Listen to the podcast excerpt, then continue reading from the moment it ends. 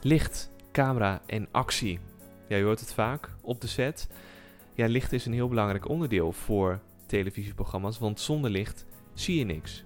Het is ook niet een simpele kwestie van het licht aanzetten, want licht moet speciaal ontworpen worden. Daar hebben we speciale lichtontwerpers voor.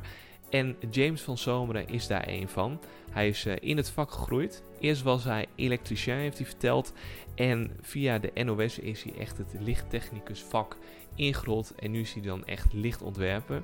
Zo heeft hij het licht ontworpen voor programma's als First Dates. Maar ook Temptation Island, waarvoor hij helemaal naar Thailand is afgereisd. Om dan zo'n heel villa park uit te lichten. Wat uh, nog eens veel groter is.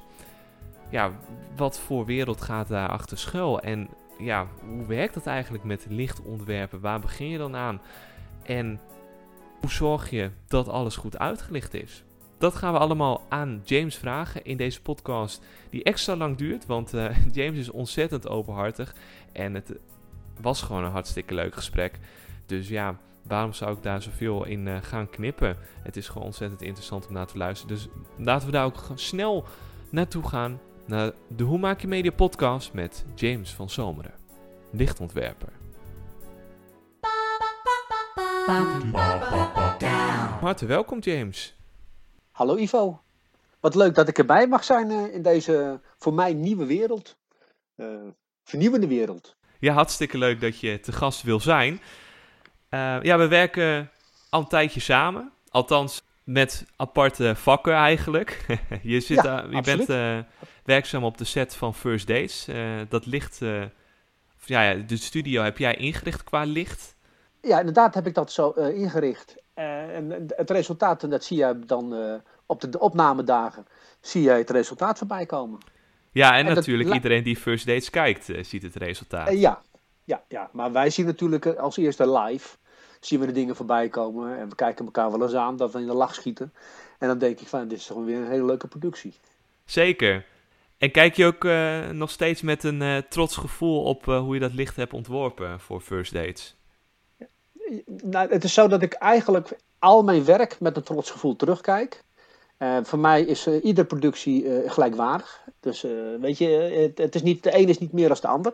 Wat ik wel heb natuurlijk is bij een aantal producties dat ik daar meer op terugkijk, omdat ik daar meer binding mee heb of dat heeft een indruk op me gemaakt. En mhm. dan denk ik daar wel eens op, op terug. Maar iedere productie, daar ben ik wel trots op.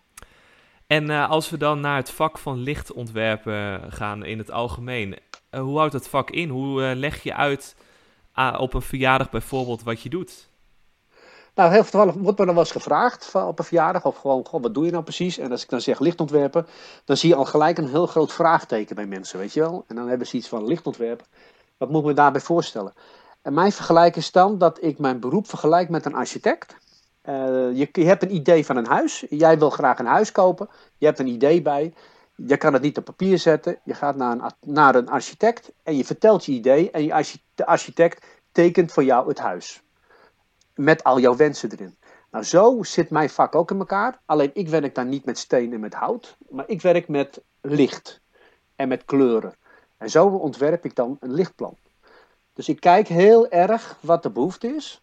En als je echt sec kijkt naar mijn vak, is mijn vak dienstverlenend. Ik ben altijd dienstverlenend. Dus ik ben dienstverlenend naar de regisseur. Ik ben dienstverlenend naar de producent. Maar ik ben ook dienstverlenend naar de mensen die voor de camera staan. Ik moet een beetje zorgen dat iedereen uh, ja, blij is. Dus eigenlijk ben ik een soort uh, ja, op de set. Uh, maak het eigenlijk iedereen, probeer ik het naar het zin te krijgen. Dat is eigenlijk lichtontwerpen. Dus wij ontwerpen plannen, dingen om ons heen. In combinatie met licht, met kleur, en met de licht die wij natuurlijk ook effecten kunnen geven. Of met video, weet je. Als ik nu kijk naar het nieuwe vorm lichtontwerp, waar ik dus heel erg mee bezig ben, ben ik ook heel erg bezig met, met augmented. Dus de nieuwere trend, televisie maken in combinatie met, met licht, met lichttechniek.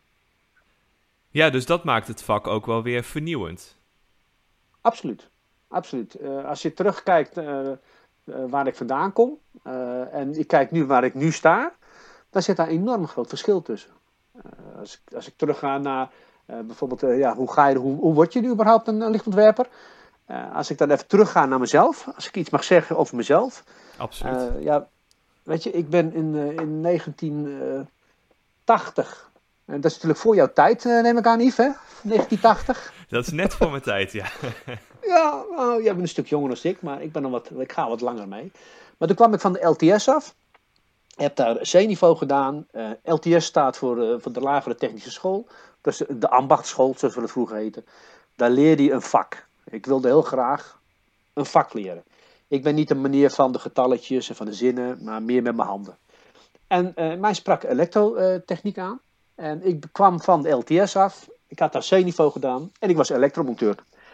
Als je in die periode van de LTSC afkwam, kon je toen naar de MTS of HTS. Maar je begon naar de MTS. Maar ik had een beetje de balen van school. Dus ik zei tegen het op een goede dag thuis: uh, Ik heb een diploma, ik ga vakantie houden. Wat denken we ervan? Nou, dat uh, kwam dus niet goed aan thuis. Vervolgens kreeg ik een, een telefoonboek in mijn handen geduwd. Uh, zo ging dat in onze tijd. Je pakte een dik boek met allemaal telefoonnummers erin. En dan sloeg je dat open. En dan ging je zoeken naar een installateursbedrijf. omdat ik daar natuurlijk elektromonteur was. En ik moest de installateursbedrijven in de omgeving maar eens gaan bellen. Kijken of ze een baan hadden voor me. En die heb ik gebeld.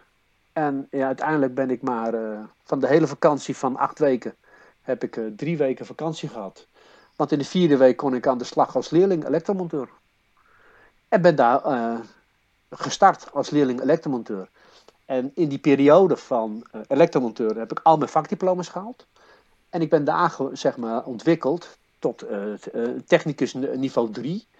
En dat betekent dus dat je daar de leiding kunt geven aan een groep mensen, maar je kennis in elektrotechniek is heel hoog.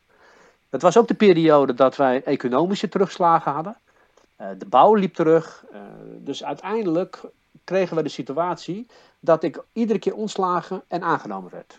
Nou, dat gaf voor mij helemaal geen vervelend beeld, maar mijn vader zei op een gegeven moment: joh, dat is helemaal geen toekomst voor je. Is dit niks voor je? En die kwam toen met de advertentie van de NOS. Bij de NOS zochten ze mensen op afdeling licht met de achtergrond elektrotechniek. Nou, dacht jij? Een hobby. Ja, ik dacht, nou weet je, ik ga daarop solliciteren. Je weet niet. Weet je, een hobby van me was fotografie. En fotografie en licht, dat ging altijd wel samen. Ik denk, nou, ik ga het gewoon proberen. Heb daar gewoon de de schoen aangedaan. Ik heb een sollicitatiebrief gestuurd. Ik heb geschreven wie ik was, welke hobby's ik heb. Ik ben uitgenodigd voor een gesprek. En ik, uiteindelijk ben ik daar aangenomen. En dat was zeg maar in 1980 ben ik begonnen bij de NOS als belichtingstechnicus F. En dat is eigenlijk de laagste van de laagste. Ik ben eigenlijk begonnen, misschien ook wel net als anderen, maar ik ben begonnen onderaan de trap. Ik heb daar geleerd hoe ga je om met televisie, eh, met licht, hoe ga je om met licht in televisie. En hoe heb je dat ervaren? Was het een grote overstap om ja, met licht bezig te gaan en dan dat te doen bij de NOS? Nou, op zichzelf een hele grote stap, omdat natuurlijk uh, de NOS uh, eh, een omgeving was. Daar ging het allemaal wat, wat, wat trager. Uh, we, je had enorm veel tijd om producties te doen. Ten opzichte waar ik vandaan kwam. Ik was gewend als elektromonteur om bijvoorbeeld, we hadden bouwprojecten. Dan moesten we 300 huizen af hebben in 200 werkdagen. Dus dat gaf wel een beetje aan hoe de, de werkdruk lag. En dat merkte ik bij de NOS niet. Okay. Daar had men alle tijd.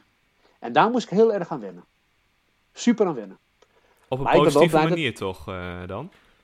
Nou, ik ben blij dat ik die tijd heb mogen meemaken. Ja. Weet je, uh, je moet niet vergeten, het was die periode natuurlijk, er waren pioniers, uh, televisie werd gemaakt. We wisten nog niet precies, ja, we wisten wel hoe je televisie maakte. Maar het had wel een beetje het, het trage vorm. later kregen we bijvoorbeeld ook MTV en Veronica. En dat waren toch programma's die waren heel vernieuwend en spraakmakend. En dat soort fases heb ik wel allemaal mee mogen maken.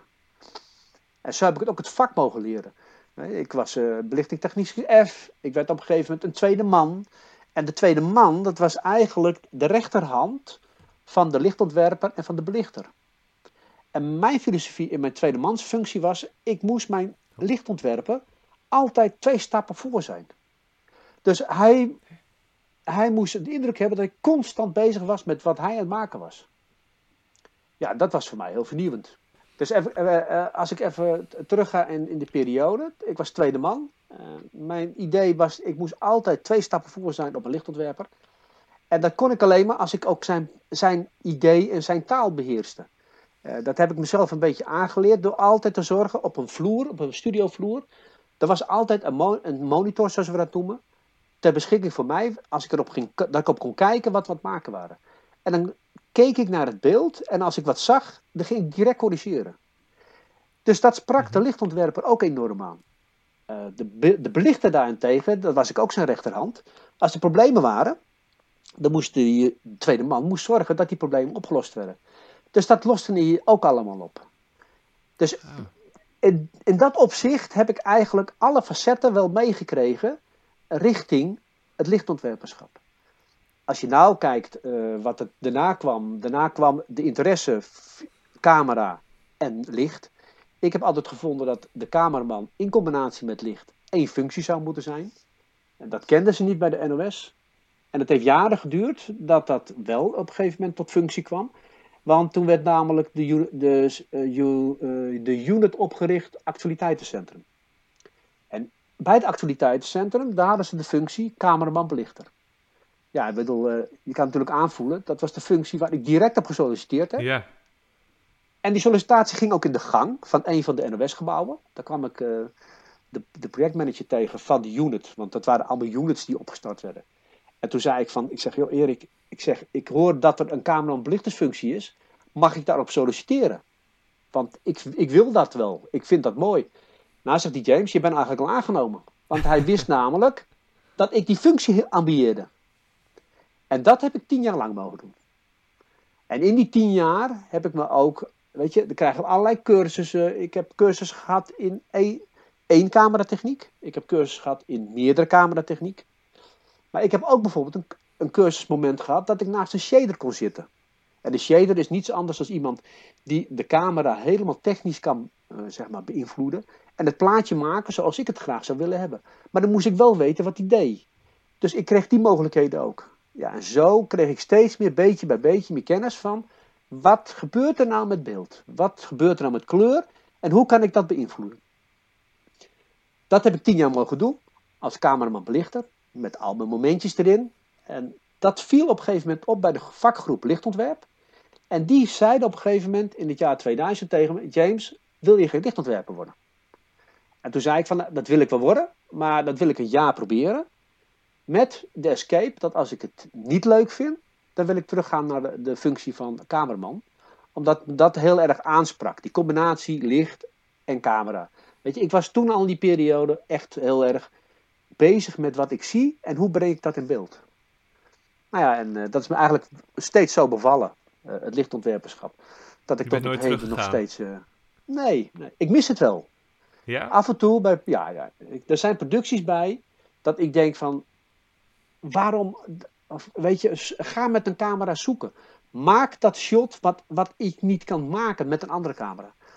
De grootste uitdaging, wat ik altijd vond, als, als cameraman in die periode, was, je had camera 5 of 6 en dat was altijd een camera, die noemden we de handheld. En wat deed die camera? Die camera maakte de shots die de dolly camera niet kon maken, maar ook een kraancamera niet. Dus ik was constant bezig met shots maken die net afweken van de rest, maar wel toevoegden aan, de, aan het product. Ja, en dat vond ik mooi. Weet je, constant plekjes zoeken, constant iets in de voorgrond leggen constant met, met licht bezig zijn. Ja, dat, dat was gewoon, uh, dat was mijn element. Dat vond ik super. En dat, dat is iets dat mis ik wel, af en toe. Dan denk ik van, waarom doe je dat nou niet op deze manier? Of, er zit meer in. Kijk eens even mee. Ze mogen je nog wel inhuren als cameraman? Nou, dat zou wel mogen. Alleen weet je, het, het, de techniek is inmiddels ook wel heel erg veranderd, Yves. Kijk, een camera is wel een camera. Maar uh, tegenwoordige camera's, die, die hebben wel heel veel techniek. Ja, dat zou ik wel even eigen moeten maken. Niet dat ik me dat niet al eigen heb gemaakt. Maar dan moet je even als cameraman even eigen maken, weet je wel. Dan zou ik, het wel, ik zou het ook wel zo weer op kunnen pakken hoor. Ik denk als je mijn camera een week meegeeft, dan heb ik het zo weer helemaal in de gaten. Maar als jij dan, achter het, lichtpaneel zit, uh, om het licht in de gaten te houden en je ziet die shots, dan heb je soms wel het gevoel van, uh, dat had wel een beter shot kunnen zijn. Of ga daar nou naartoe. Ja ja, ja, dat heb ik wel eens soms bij first dates. Dat ik denk, joh, we zien op een gegeven moment dat het gesprek stopt bij de bar. Zorg dat die shots klaarstaan. Zorg dat het allemaal eh, in beeld wordt gebracht. Want de kijker thuis heeft er geen boodschap aan dat de persoon buiten beeld wegloopt. Of in beeld, buiten beeld, in, weet je, of onscherp is. Allemaal dat soort dingen, die hoeven niet te gebeuren. Je, je, je, bent, je hebt dat ene moment, hè. Zo zie ik in mijn beroep ook, hè. Ik ben constant live. Of dat nou een opname is of een live uitzending. Ik ben constant live. Ik heb één keer een moment. En als ik die mis, ja, dan kan ik mezelf op mijn kop slaan. niet alleen ik, maar ook de, de belichter die naast me zit. Want ik verwacht van hun ook die scherpte. Zij horen ook mee te denken. Ik bedoel, het kan niet waar zijn als je gaat zitten aan een tafeltje bij First Days en het voorlicht is uit. Ik weet het niet. Dat kan niet. Begrijp je? Ja. Dus je bent constant live, constant ben je scherp. Ja, dan maakt zo'n dag uh, zwaar soms, maar ook wel weer leuk. En waar let jij dan vooral op bij zo'n draaidag uh, als je dan het licht in de gaten houdt? Eigenlijk let ik op heel veel factoren. Echt heel veel factoren. En die, dat zijn fracties van secondes die door me heen gaan. Op de eerste plaats let ik op of, of, de, of de juiste helderheid er is. Of de, juiste uh, kleur er is. Dat is één. Dan vervolgens let ik op de scherpte. Of de, de, de, de shots wel scherp zijn. Dan let ik op of uh, uh, de, de achtergronden goed zijn. Ik let op dat de continuïteit blijft bestaan. Dat het ene shot dezelfde kleur indrukt heeft als de andere. Allemaal dat soort facetten, die gaan constant door mijn hoofd heen. Ja, ja en weet je, je zult zelf wel eens meegekregen hebben dat als wij achter de computer zitten en we bedienen de schakelrail, dan vlieg ik van de linkerhoek naar de rechterhoek en al die shots komen voorbij. En dat doe je eigenlijk alleen maar om continu te zorgen dat die continuïteit hetzelfde blijft. Constant ben je de beelden aan het afscannen. Ja, en de ene keer doe je dat in een fractie van de tel, en de andere keer blijf je even een seconde bij een shot om te kijken of het allemaal nog wel klopt. Ja, vooraf hebben we, eh, hebben we al even gesprek gevoerd over jouw vak. En je vertelde mij, uh, elk, elke lamp die er hangt in de studio heeft zijn functie. Uh, ik denk dat de luisteraars zijn die denken van ja, je zorgt gewoon dat er een paar lampen hangen, dat je licht hebt in de studio en that's it. Wat voegt licht dan eigenlijk toe aan de beleving van een televisieprogramma voor de kijker? Wat, wat is nou het belang van zo'n lichtontwerp voor hoe zo'n televisieprogramma ontvangen wordt? Ja, maar dan, dan, zou je eigenlijk even moeten teruggaan naar dag 1 van First Dates. Mhm. Eh, dag 1 First Dates was dat we op een gegeven moment op een locatie stonden. Daar was ik van uitgenodigd om te komen kijken. En er werd me verteld dat First Dates zou worden gestart in Nederland als, als programma in deze locatie. Wat alweer een aantal jaar terug is? Absoluut. Uh, heel wat jaren denk ik om het terug. Precies weet ik het niet meer, maar uh, zeg maar een jaartje of vier, vijf geloof ik uit mijn hoofd. Maar wij stonden in die locatie en dan uh, kijk ik om me heen. Wat heeft de locatie en wat heeft het nodig om die productie te doen? Dus ik verdiep me in de productie. Ik verdiep me in de achtergrond van de productie. Ik verdiep me in de mensen die naar de productie kijken of naar het programma kijken. En ook een beetje, wat wil de zender, welke doelgroep wil die bereiken? Nou, en dan begin ik met een lichtplan. En dan begin ik ook te filosoferen over welke kant willen we op.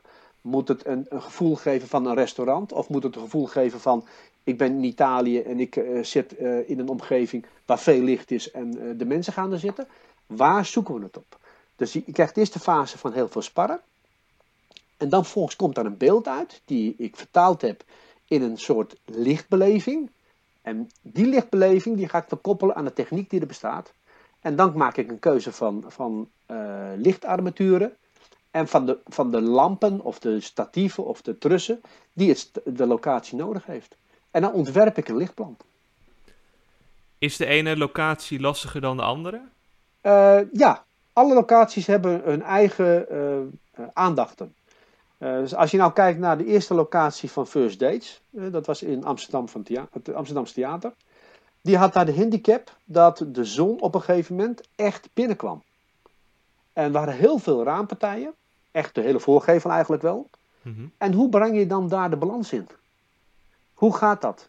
Als je nou kijkt naar deze locatie, die heeft ook zijn uitdaging. Uh, we lopen buiten en we lopen naar binnen toe. En we hebben gelijk de eerste ontmoeting.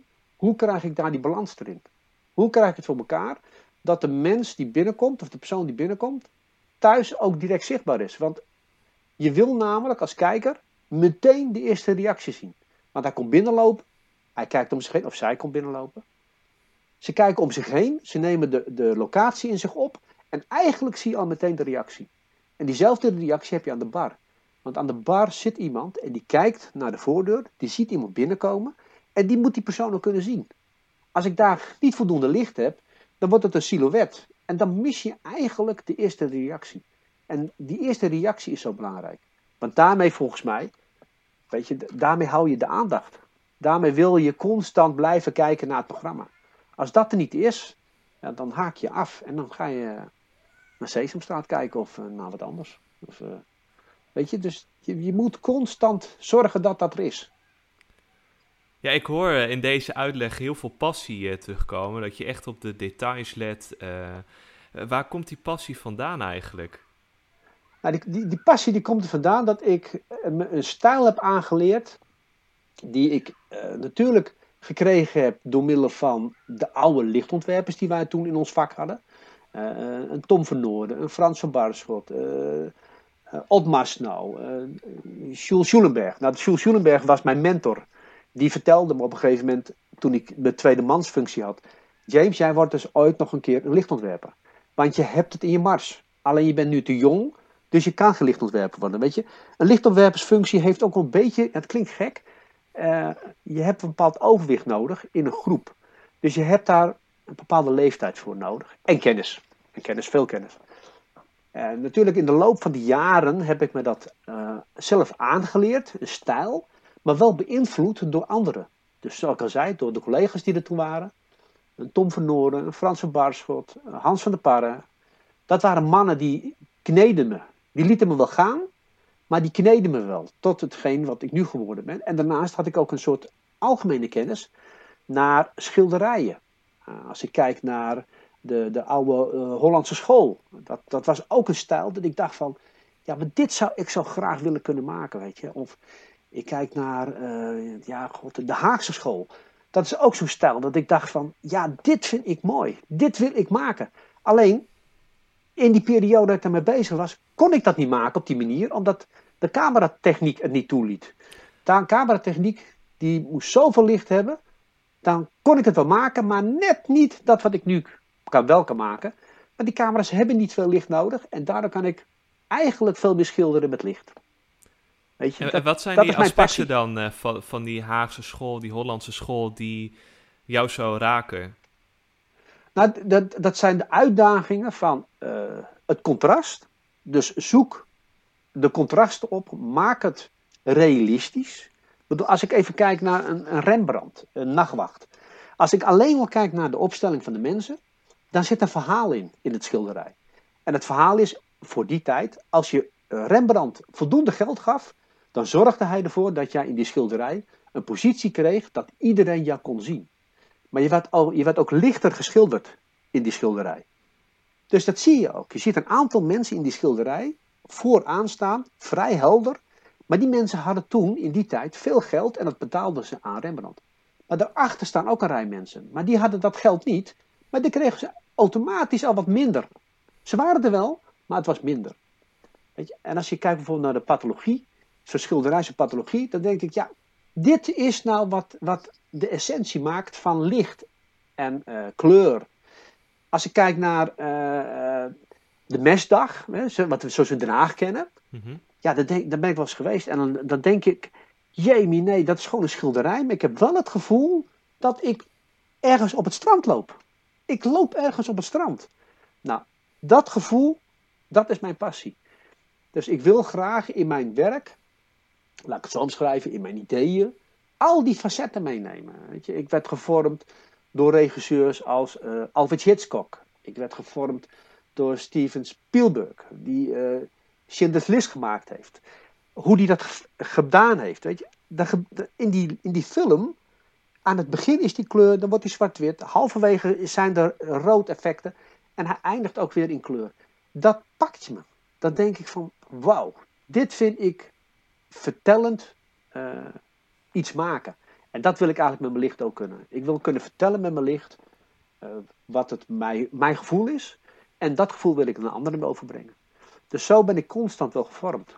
En kun je op die manier ook, als je naar een programma kijkt, zien dat het jouw lichtontwerp is? Ja, sommige dingen wel. S- sommige dingen zie je echt heel terug. Toevallig gisteren eh Cash in Trash gekeken, die de herhaling. En dan zie je dus heel duidelijk die stijlen terugkomen. Eh, mensen die uitlicht met een korte kant en lange kant. En eh, dat in combinatie met al die camerastandpunten. Hè? Want eh, je kan het wel doen, Mhm. maar dan kun je bijvoorbeeld vanuit één camerastandpunt, is het heel makkelijk om met korte kant en lange kanten te werken in een gezicht qua licht. Maar we hebben natuurlijk altijd te maken dat de camera's er constant omheen staan. Dus de ene camera staat 180 graden op de andere camera. En toch krijg je het voor elkaar om in die shots constant dat sausje van James terug te laten komen. Weet je, net dat ene detailtje, net die ene kleur, net die sprankelheid, net het donkere vlekje. Ja, dat, dat probeer ik constant wel in die shots te krijgen. En Ja, ook soms de ik ook van af. Victor. Ja, als je ogen van Victor neemt, dat, dat is een inspiratie vanuit een film. Er was ooit een film die ik gezien heb. Dat was The Shining. En met Jack Nicholson. En er zat een scène in, die heb ik gezien in de bioscoop. En toen dacht ik, die scène ga ik een keer uitvoeren in mijn werk. Ik weet niet wanneer, maar ik ga het een keer doen.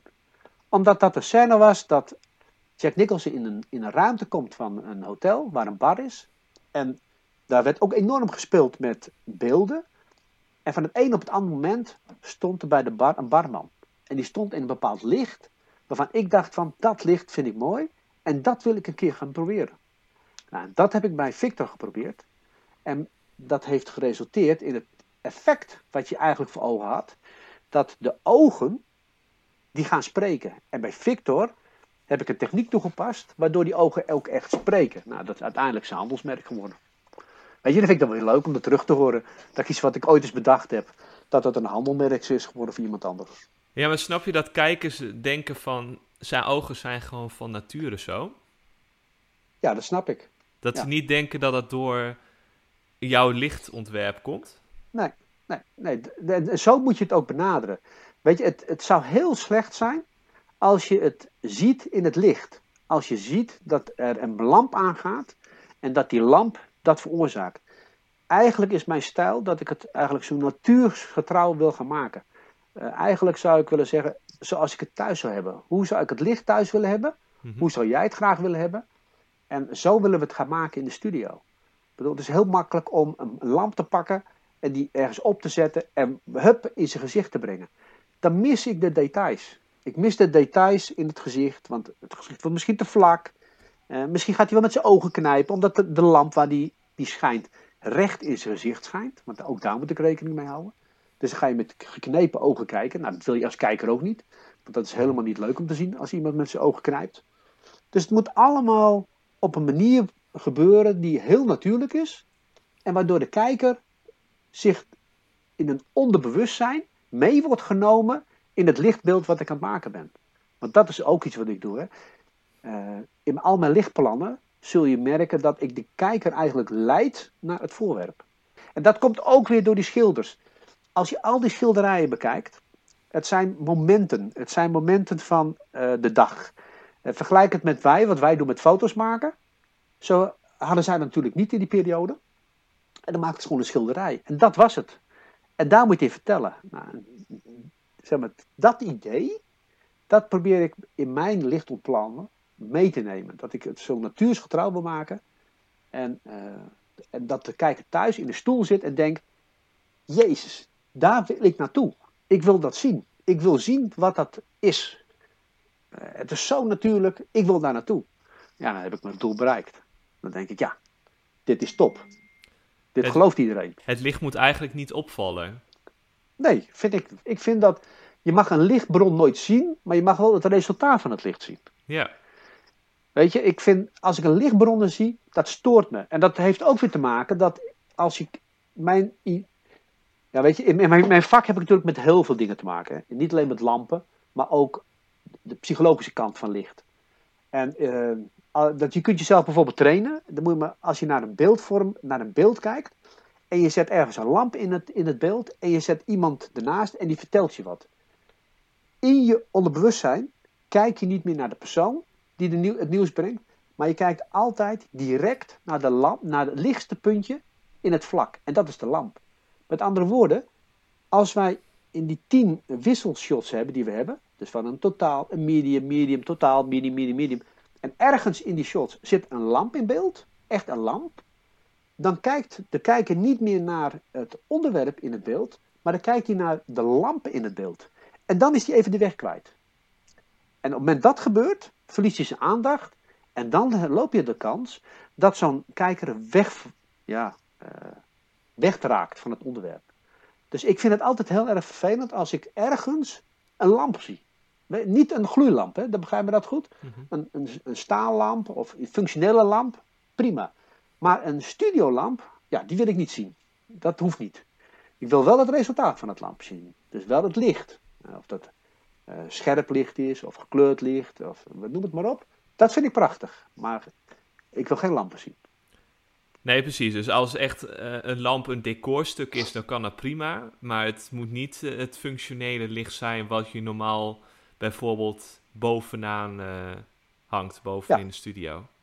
Ja, precies. precies. mooi hoe je daar al zo over kunt vertellen. Ja, maar dat is natuurlijk ook wel de passie die wij hebben in ons vak. En weet je, we zijn eigenlijk als lichtontwerpers, wij gaan wel mee in de groep, maar eigenlijk zijn we altijd alleen. Hè? Wij zijn heel altijd individualistisch bezig. En als wij dan, dan mogen spreken over ons vak, of dat naar jou toe is, of dan direct naar een collega of naar een opdrachtgever, ja, dan doen we dat altijd met een passie, omdat we onze passie willen overdragen. Dat en hoeveel vrijheid krijg je in een lichtontwerp? Heel veel. Ik krijg echt heel veel vrijheid. Uh, natuurlijk is die vrijheid, uh, die kent zijn beperkingen, want uh, een budget is daar één van. Mm eigenlijk ook wel een, een, een, rode draad. En het is eens voorgekomen dat ik de vrijheid had in de productie, maar het budget niet. En daartoe gezegd heb, ik ga de productie niet doen. Omdat de, het budget niet toereikend is ten opzichte van de kwaliteit die ik wil leveren. Ja, weet je, en ik, ik heb uitgelegd aan de opdrachtgever, de toenmalige opdrachtgever, dat het, het, uiteindelijk is het dan zo dat uiteindelijk mijn hoofd op het blok ligt en dat er dan gezegd wordt, ja maar waarom ziet het er zo uit? Dit is niet wat we bedoelen. Maar dat komt omdat het budget voor dat moment niet toereikend was. Krijg, krijg je nu eigenlijk wel bij de meeste producties genoeg budget om er echt uh, wat van te maken? Of moet je er altijd wel weer wat extra's los uh, peuteren? Nee, nee, nee. Ik krijg, uh, ik krijg eigenlijk altijd wel het budget uh, voor, voor mijn lichtplannen. En, dat heeft, en soms heb ik ook wel eens een, een budget gekregen die veel te hoog ligt. Dat dan een, een, een producent zegt, joh, ik had eigenlijk een, bepaald bedrag in gedachten, maar je zit eronder, hoe zit dat? En dan moet ik uitleggen waarom dat, uh, waarom dat is. Uh, omdat ja, iedere lamp, wat je al zei, als je naar al mijn lichttekeningen kijkt, iedere lamp is bedacht. En ik ben niet iemand die maar zo lampen intekent. Weet je, je kan natuurlijk ook een lichtplan maken door te zeggen: ik hang de hele studio vol met lampen en daar doen we het dan mee. Ja, dat is ook een manier. Alleen zo, daar hou ik niet van. Dat is niet mijn manier van werken. Dus de lampen die ik gebruik, daar denk ik over na. Het is een voorlichtje, een tegenlichtje, een strijkertje, een vlekje, een kleurtje. En dat zijn de lampen. Ja, en dan komt het wel eens voor dat, uh, dat ik eigenlijk meer geld heb dan dat ik gebruik. Dat komt wel eens voor. Ja, ik zie jou, uh, ik zie jou uh, wel eens dan uh, bij First Dates dan, dan een programma openen waar je dat lichtplan in hebt staan voor First Dates. Dat ziet er aardig complex ja. uit voor een leek als ik. Ja. Maar dan begin je natuurlijk helemaal from scratch mee. Gewoon helemaal leeg, een leeg document. Hoe ja. begin je überhaupt? Waar, waar begin je dan? Nou, je begint eerst met um, wat zijn de belangrijke plekken? Uh, die moeten uitgelicht worden. En die, begin, die licht je uit op een, op een, zeg maar op een basismanier. Met twee voorlichtjes en een tegenlichtje. En zo ga je de hele de setting door. Als ik daarmee klaar ben, dan ga ik vervolgens uh, het decor aanlichten. En dan ga ik nadenken over van hoe willen we dat gaan doen. Uh, wil ik echt lichtval hebben? Of wil ik het algemeen verlicht hebben? Mm -hmm. En dan ga ik verder met tekenen. Dan komt daar op een gegeven moment een, een, een tekening uit. En dat is de tekening die dan op een gegeven moment teruggaat naar mijn accountmanager. En die gaat ermee aan de gang. Die koppelt er bedrag aan. En die gaat daarmee in conclave met de opdrachtgever. Oh, dus jij hoeft helemaal niet verder met het budget uh, bezig nee, te zijn? Nee, nee. Ik, ik, heb, uh, nee, ik wil dat ook niet. Nee. En ik ga het ook niet doen. Want ik ben de man van de lampen en niet van de getallen. Dus ik wil dat helemaal niet. Omdat in mijn filosofie is dat als ik ook nog eens keer het account ga doen, het voor de klant niet duidelijk is wat ik, welke rol ik op welk moment heb. Ben ik nou de lichtontwerper of ben ik nou de accountmanager? Dus dat geeft een heel verwarrend beeld. Nu is dat gewoon heel helder. Ik ben lichtontwerper. Ik heb denk ik iets verstand van lampen. Als me iets gevraagd wordt, maak ik een keuze in de lampen. En dat geef ik aan bij mijn accountmanager. En mijn accountmanager, die gaat in conclave met de, met de producent. Van uh, James heeft deze vraag gekregen. Die heeft die lampen. Dat kost dit bedrag. Dat is de, zijn de kosten van de lampen. Geef je groen licht. Nou, dat kan ja en nee. En als hij nee zegt, dan komt de accountmanager bij me terug en die zegt: James, we hebben het budget niet. Welke alternatieven zijn er? Nou, dan ga ik kijken naar alternatieven. En dan passen we het op die manier zo dat iedereen tevreden is. Zowel ik tevreden ben, als dat mijn accountmanager tevreden is. En uiteindelijk de klant. Want die, ja, weet je, laat ik het zo zeggen, die betaalt en die bepaalt. Tot een bepaald niveau. Dat ik denk van, ja, maar nu kan ik mijn, mijn kwaliteit niet meer leveren. Ja, en dan geef ik hem terug. Dan zeg ik op mijn beurt, ja jongens, dat kan ik niet. Ik kan die kwaliteit niet leveren. En op welk lichtontwerp ben je eigenlijk het meest trots? Nou, eigenlijk op geen enkele. In de zin van trots, ik, ik ben op, bij iedere uh, trots. Omdat daar natuurlijk voor ieder uh, lichtontwerp zijn eigen passie, zijn eigen invulling heeft gekend. Als je vraagt aan me uh, welk lichtontwerp staat je nog heel erg dichtbij. Ja, daar zijn wel een aantal producties waarvan ik denk van ja, die hebben me wel geraakt. Dat waren wel momenten dat ik dacht van, wauw, ik sta hier toch wel als James de Zomer in één keer met mijn neus boven. Weet je, en dan, dan komt dat wel binnen. Ik heb een productie gedaan in Rwanda en dat ging over de genocide-tijd. Wij mochten niet praten over genocide daar. Dat, daar stond een straf op, een gevangenisstraf. Maar ik moest het wel doen met de mensen die in Rwanda werkten en daar het televisieprogramma moesten maken. En met die mensen moest ik aan de gang. En weet je, dat was nou een productie. Daar, daar kreeg ik het gevoel van. Ik stap in 19. Nou, wanneer was dat? Uh, wanneer ben ik daar geweest? In 2006 geloof ik aan mijn hoofd. Of 7. Ik stap hier in Schiphol in het toestel. En ik vlieg naar Rwanda. Ik stap daaruit. Maar ik stap daaruit in 1981. Ik ben echt geschrokken met aan de, de techniek die daar aanwezig was. Dat ik dacht van, jee, hoe krijg ik dit goed? Want dit is, dit is echt een techniek die, uh, die verre onder het niveau was wat we nodig hadden. En hoe krijg ik het voor elkaar met de kennis die er is? Want die kennis was er ook niet. Dus ook met daarmee moest ik aan de gang.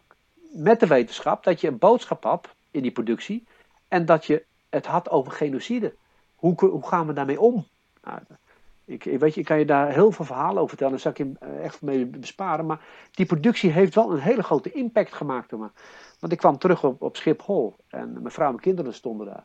Weet je, en ik moest wel even huilen. Ik liet wel even een traan. Want je komt namelijk in een land terug waar wij alles kunnen zeggen en denken. En ik kwam van een land vandaan waar dat absoluut niet kon. Want toen ik daar ook wegging, mijn belichter, uh, nou, die omhelste me gewoon. Die pakte me beet. En die was zo blij dat ik met hem aan de gang ben gegaan. En ik heb hem eigenlijk mijn passie gegeven. En daar ging hij mee verder. Hij wilde ook lichtontwerper worden. En had ook in één keer die passie te pakken. En begreep ook in één keer wat ik wilde. Alleen wist niet hoe. Want dat konden zij niet. Toen zei ik tegen hem, joh, ga alsjeblieft ermee aan de gang. Doe gewoon je ding. En maak fouten. Maar dat zeg ik ook tegen de jonge belichters. Maak alsjeblieft fouten. Als je een fout maakt, ik zorg ervoor dat ik die opvang. Want ik ben eindverantwoordelijke. En dan roep ik wel, het is mijn fout. Dat was niet de bedoeling. Ik trek het helemaal naar me toe. Jij zal nooit fouten maken naar wie dan ook. Maar maak alsjeblieft een fout, want daarmee word je goed. Anders word je nooit goed. Je kan niet goed worden door altijd maar goed te doen. Je moet op je bek gaan. Dat moet gewoon. En af en toe laat ik ook bewust een belichter in de productie echt op zijn bek gaan.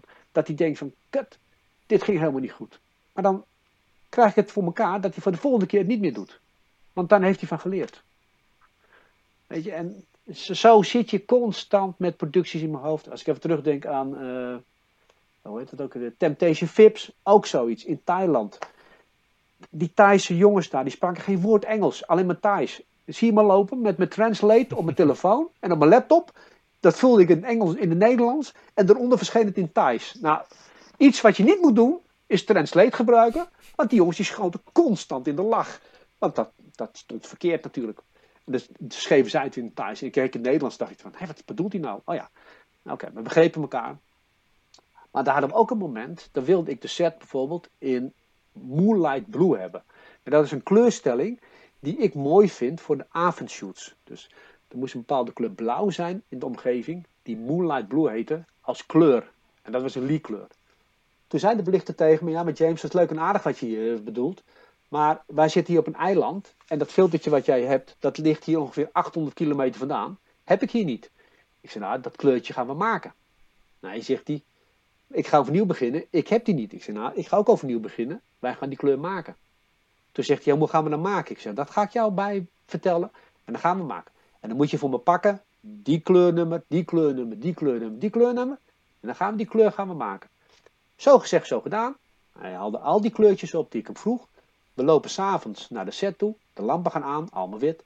En hij legt het eerste kleurtje erop. En hij kijkt me aan en zegt, James, lukt niet hè? Ik zeg, nee, wacht even. Leg even die andere kleur erop.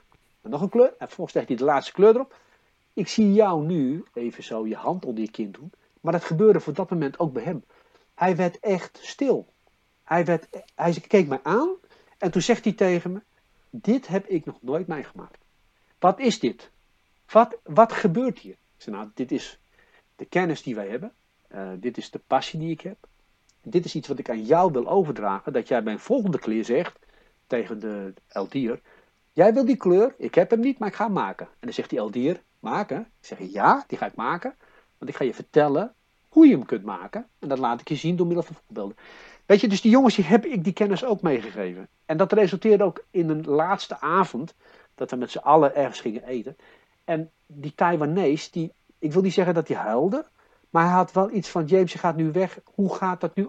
Hoe gaat dat dan nu? Wie moet dat nu doen? Toen zei ik tegen hem, dat moet jij gewoon doen. Jij kan het. Ik weet zeker dat je het kan. Je hebt gezien wat je moest doen. Ik heb gezien wat je kan. Ik heb er volste vertrouwen in. Ik ga morgenochtend pakken mijn koffer. Ga terug naar Nederland. En jij maakt het af. Hij zei, ja, maar ik kan dat niet. Ik zei, nee, jij kan het wel. In mijn woordenboek bestaat het woord, ik kan het niet. Dat bestaat bij mij niet. Wij zijn namelijk in staat om alles te kunnen doen. Alleen je moet een beetje open voor staan. En maak dan maar die fout. Ga maar op je bek.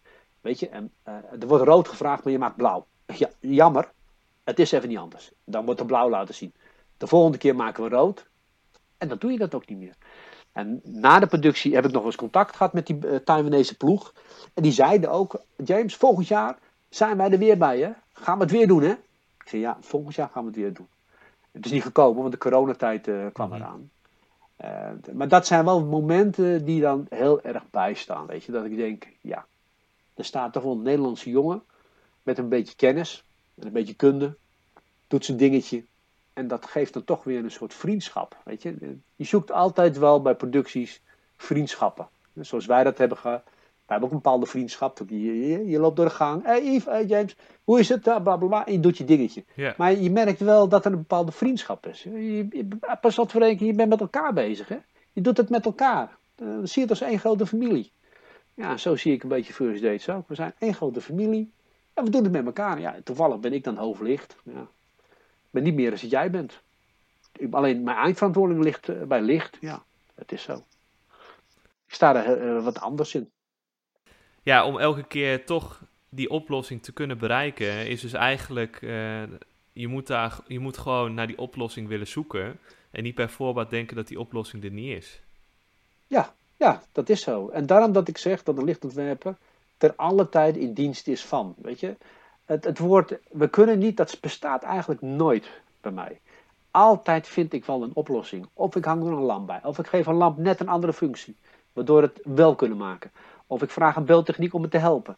Weet je, er zijn altijd wel ergens oplossingen te vinden. Alleen, eh, je moet het wel, wat je al zegt, uh, zien. En erop voor openstaan. Je kan ook zeggen van, in je stoel, ja, maar luisteren, er hangt geen lamp. Dat gaan we even niet doen. Uh, ja, dat is ook een manier. Je kan ook zeggen van, dat kan, alleen nu niet, want we zijn een opname. Geef me zo meteen even de tijd en ik probeer het op te lossen voor je. Is ook een antwoord. Ja. Toch? En dat, volgens mij is dat ook wat we moeten doen. We zijn, we zijn met elkaar bezig. Hè? De, de, we zijn van elkaar afhankelijk. Ik ben afhankelijk van jou, hoe jij functioneert. Uh, ik ben afhankelijk van een beeldtechnicus, van een cameraman, van de regisseur. Uh, Van iedereen zijn we afhankelijk. Het is één groot Dat wordt toch samenspel. wel- ja, toch, Yves?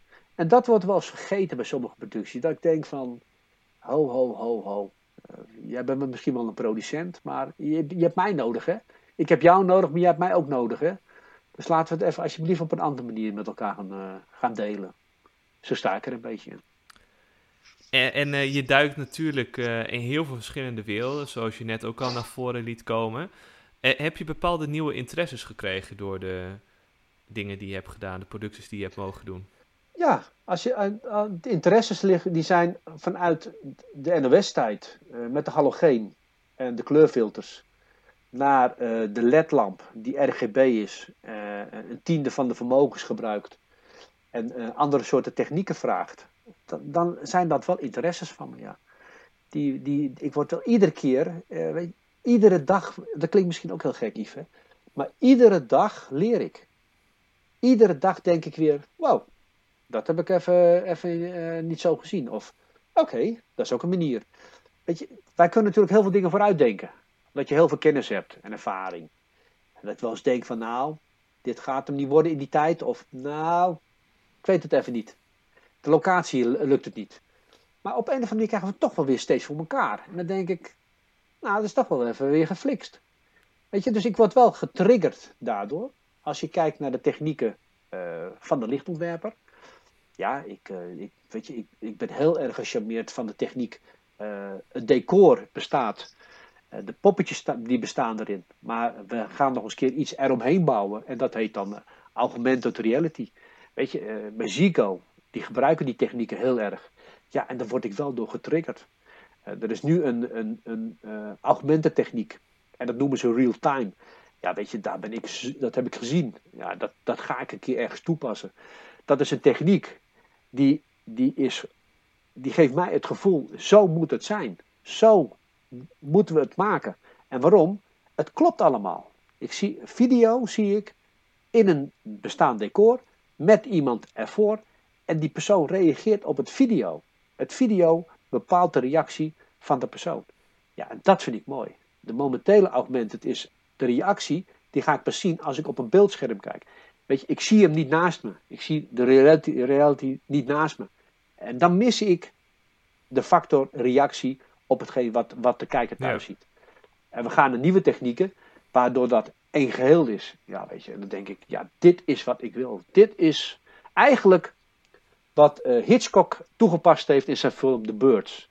In The Birds zie je op een gegeven moment een scène dat een vrouw op een boulevard loopt en die wordt aangevallen door vogels.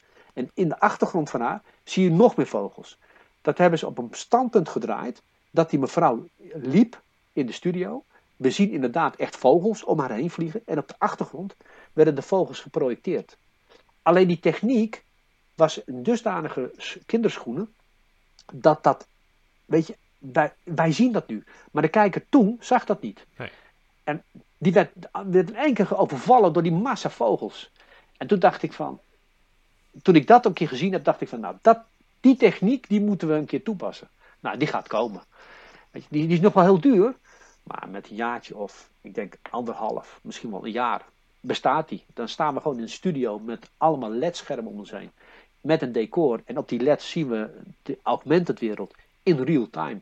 Ja, en dat, dan denk ik, ja, nu zijn we echt televisie aan het maken. Nu zijn we, of televisie, laat ik het anders zeggen. ehm, we zijn storymakers nu. Weet je, we, vertellen iets met het beeld wat we aan het maken zijn. We hebben een boodschap. En dat is eigenlijk wat, waar ik naartoe wil. Dat alle beelden die we maken, dat die een bepaalde boodschap hebben naar de mensen toe. Dat mensen mee worden genomen in onze eigen wereld. Dat als we thuis zitten en ze doen de televisie aan en ze zien first dates en ze denken, ik ga zitten, first dates komt. Weet je, en dan denk ik, ja, dat is iets wat, eh, ja, dat vind ik fantastisch. Zo Blijft jouw vak eh, heel interessant. Telkens vernieuwend. Ja, die blijft altijd vernieuwend. Wij zullen niet, eh, net wat ik zei, 1980 of 1984 toen begon, hadden we de halogeen. Dat was de gloeilamp. We zijn nu in 2020, 2019, en we hebben nu een LED-lamp. Die lamp die blijft zich doorontwikkelen. Als ik kijk naar die lamp, die staat nog lang niet in het niveau van een gloeilamp. Maar als ik kijk wat bijvoorbeeld een IKEA heeft aan LED-lampen, dan denk ik, ja, jeetje, dat is het begin. Die hebben bijvoorbeeld een gloeilamp, die kun je dimmen. En op het moment dat je een ledlamp dimt, dan zie je ook bij hun, in die lamp, de kleurtemperatuur veranderen. Dus eerst is die lamp, als je die zeg maar op 100% uitstuurt, helder wit. En als je hem dimt, dan wordt die heel langzaam rood. En dan denk ik, ja, dit is nou typisch de techniek die ik nodig heb om het voor elkaar te boksen. Want dat kan ik namelijk met mijn halogeen ook. Als ik mijn halogeen 100% geef, is die spierwit. En als ik richting 5% breng, wordt die knalrood. En met die kleuren, ja, daar gingen we, speelden we vroeger enorm veel mee. Waardoor je heel veel kleuren kon maken en beïnvloeden. En dat gaat die ledlamp ook doen. Dat weet ik zeker. Alleen het heeft nog even tijd nodig. Maar die kennis van, uh, van die tijd, uh, van die vroegere tijd, die kun je ook gewoon heel goed toepassen in de tijd van nu. Alleen er komt telkens weer wat nieuws bij. Op nieuwe manier dat je Ja. dat kunt doen. En daarom moet je eigenlijk iedere dag moet je de nieuwswaarde eh, weten te waarderen. Want je krijgt natuurlijk op internet heel veel nieuws over lampen, over camera's. En dat moet je tot je nemen en daar zeg maar de, de, de highlights uithalen. Want de camera's veranderen ook om de havenklap. Eh, vroeger moesten bijvoorbeeld, als we eh, een persoon uitlichten in de studio, dan moest je 600 lux hebben. En om 600 lux te gebruiken, te halen, had je twee keer halogeenlampen nodig. En had je er minimaal drie nodig, dus dan praat je over 6 kilowatt licht op ongeveer 90% per- niveau. Ja. Tegenwoordig, als ik iemand uitlicht, dan roept de cameraman, mag het licht wat minder? En dan denk ik, licht minder? Eh, het staat bijna uit. Weet je, die camera's die zijn zo verschrikkelijk gevoelig geworden. Dus ik ga in één keer van 6 kilowatt naar misschien eh, 200 watt eh, lampen. Maar ik maak hetzelfde beeld, alleen met een hele andere techniek. Ja, en, en- daarmee moet je wel eh, weten om te gaan. Eh, natuurlijk moet je die kennis van vroeger meenemen. Maar je merkt wel dat die kennis in sommige momenten ook achterhaald is.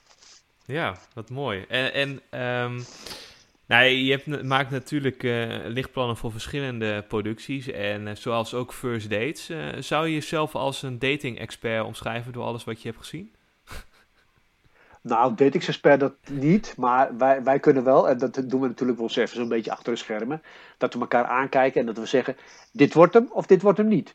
En dan moet ik zeggen dat we met elkaar wel eens soms bij het goede eind hebben. Dat we het eigenlijk al zien bij het moment van de bar, dat we zeggen, dit gaat hem niet worden. En dat het er ook niet wordt, of dit gaat hem wel worden. Ja. Ja, eh, soms hebben we hebben het wel eens bij het goede eind, ja. Dus ja, je kan je wel, ja, ik kan wel zeggen dat je een, een datingsexpert aan het worden bent, ja. Maar ook wel naar zoveel eh, opnames, toch? Nee, absoluut. En, en ehm, hoe, eh, hoe is het dan om in zo'n podcast te zitten? Hoe heb je het ervaren? Nou, ik vind het wel heel, dus een nieuwe manier van, eh, van informatie geven. Dit, ik vind het wel leuk. Weet je, het geeft wel een bepaalde vrijheid.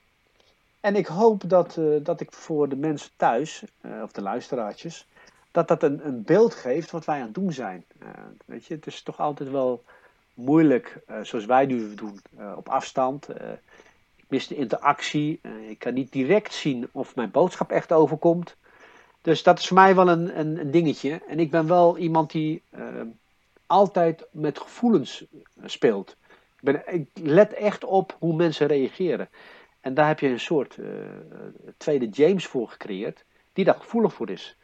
Dus dat mis ik wel in deze situatie. Maar ik, ik ben reuze benieuwd hoe dat eh, ontvangen wordt. Ik ben echt reuze benieuwd. Ja, nou hartstikke leuk. En heel erg bedankt dat je te gast eh, wilde zijn in de podcast.